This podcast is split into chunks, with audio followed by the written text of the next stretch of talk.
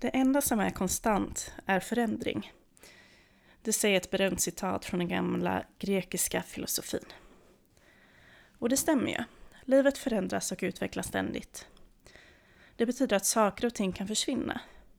Kanske när vi minst anar det.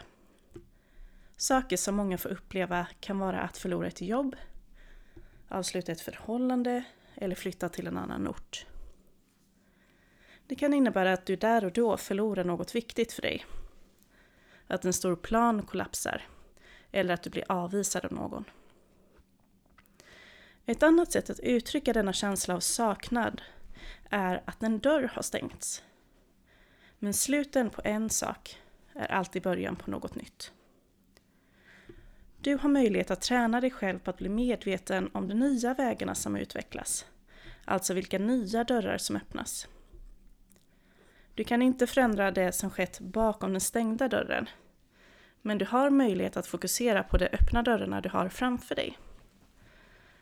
Du ska inte blunda för de stängda dörrarna såklart, utan snarare ta hänsyn till dem och agera för en ljus framtid.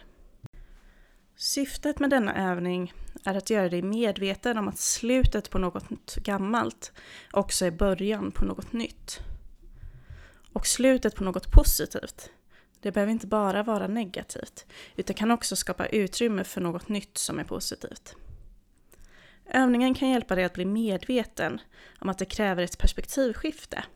Från att fokusera på det som inte längre finns, till att se framtidens potential. Övningen kan även hjälpa dig att bli medveten om vad som för närvarande hindrar dig från att anta en mer optimistisk syn när dörrar stängs. Denna insikt kan användas för att utveckla en mer positiv syn inför dörrar som kommer stängas i framtiden. Att fokusera på viktiga saker som inte längre finns kvar kan vara en väldigt känslomässig övning. Så denna övning handlar inte om att blunda för smärtan som du kan uppleva av en förlust. Det kan därför vara nyttigt att göra övningen i koppling till något som inte längre gör ont för dig. Om du är mitt uppe i en separation eller precis förlorat ett jobb så bör denna övning inte handla om just det. Eftersom du först kommer behöva bearbeta dina känslor till den här händelsen. Så välj en händelse som skett längre tillbaka i tiden, då en dörr stängdes för dig. Syftet är att du ska bli medveten om den positiva potential som uppstår till följd av den stängda dörren. Då går vi in på övningen. Skriv gärna med papper och penna. Eller skriv på en dator om du behöver. Tänk på en tid i ditt liv då någon avvisade dig. Eller då du missade något viktigt eller när en stor plan kollapsade.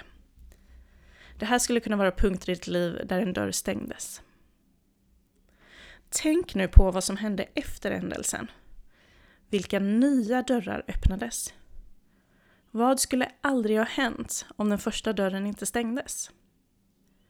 Skriv alltså ner det här med papper och penna och skriv gärna ner så många upplevelser som du kan komma på. Alltså, dörren som stängdes för mig var den nya dörren som öppnades för mig var. Fundera nu över de här erfarenheterna och svara även på följande frågor.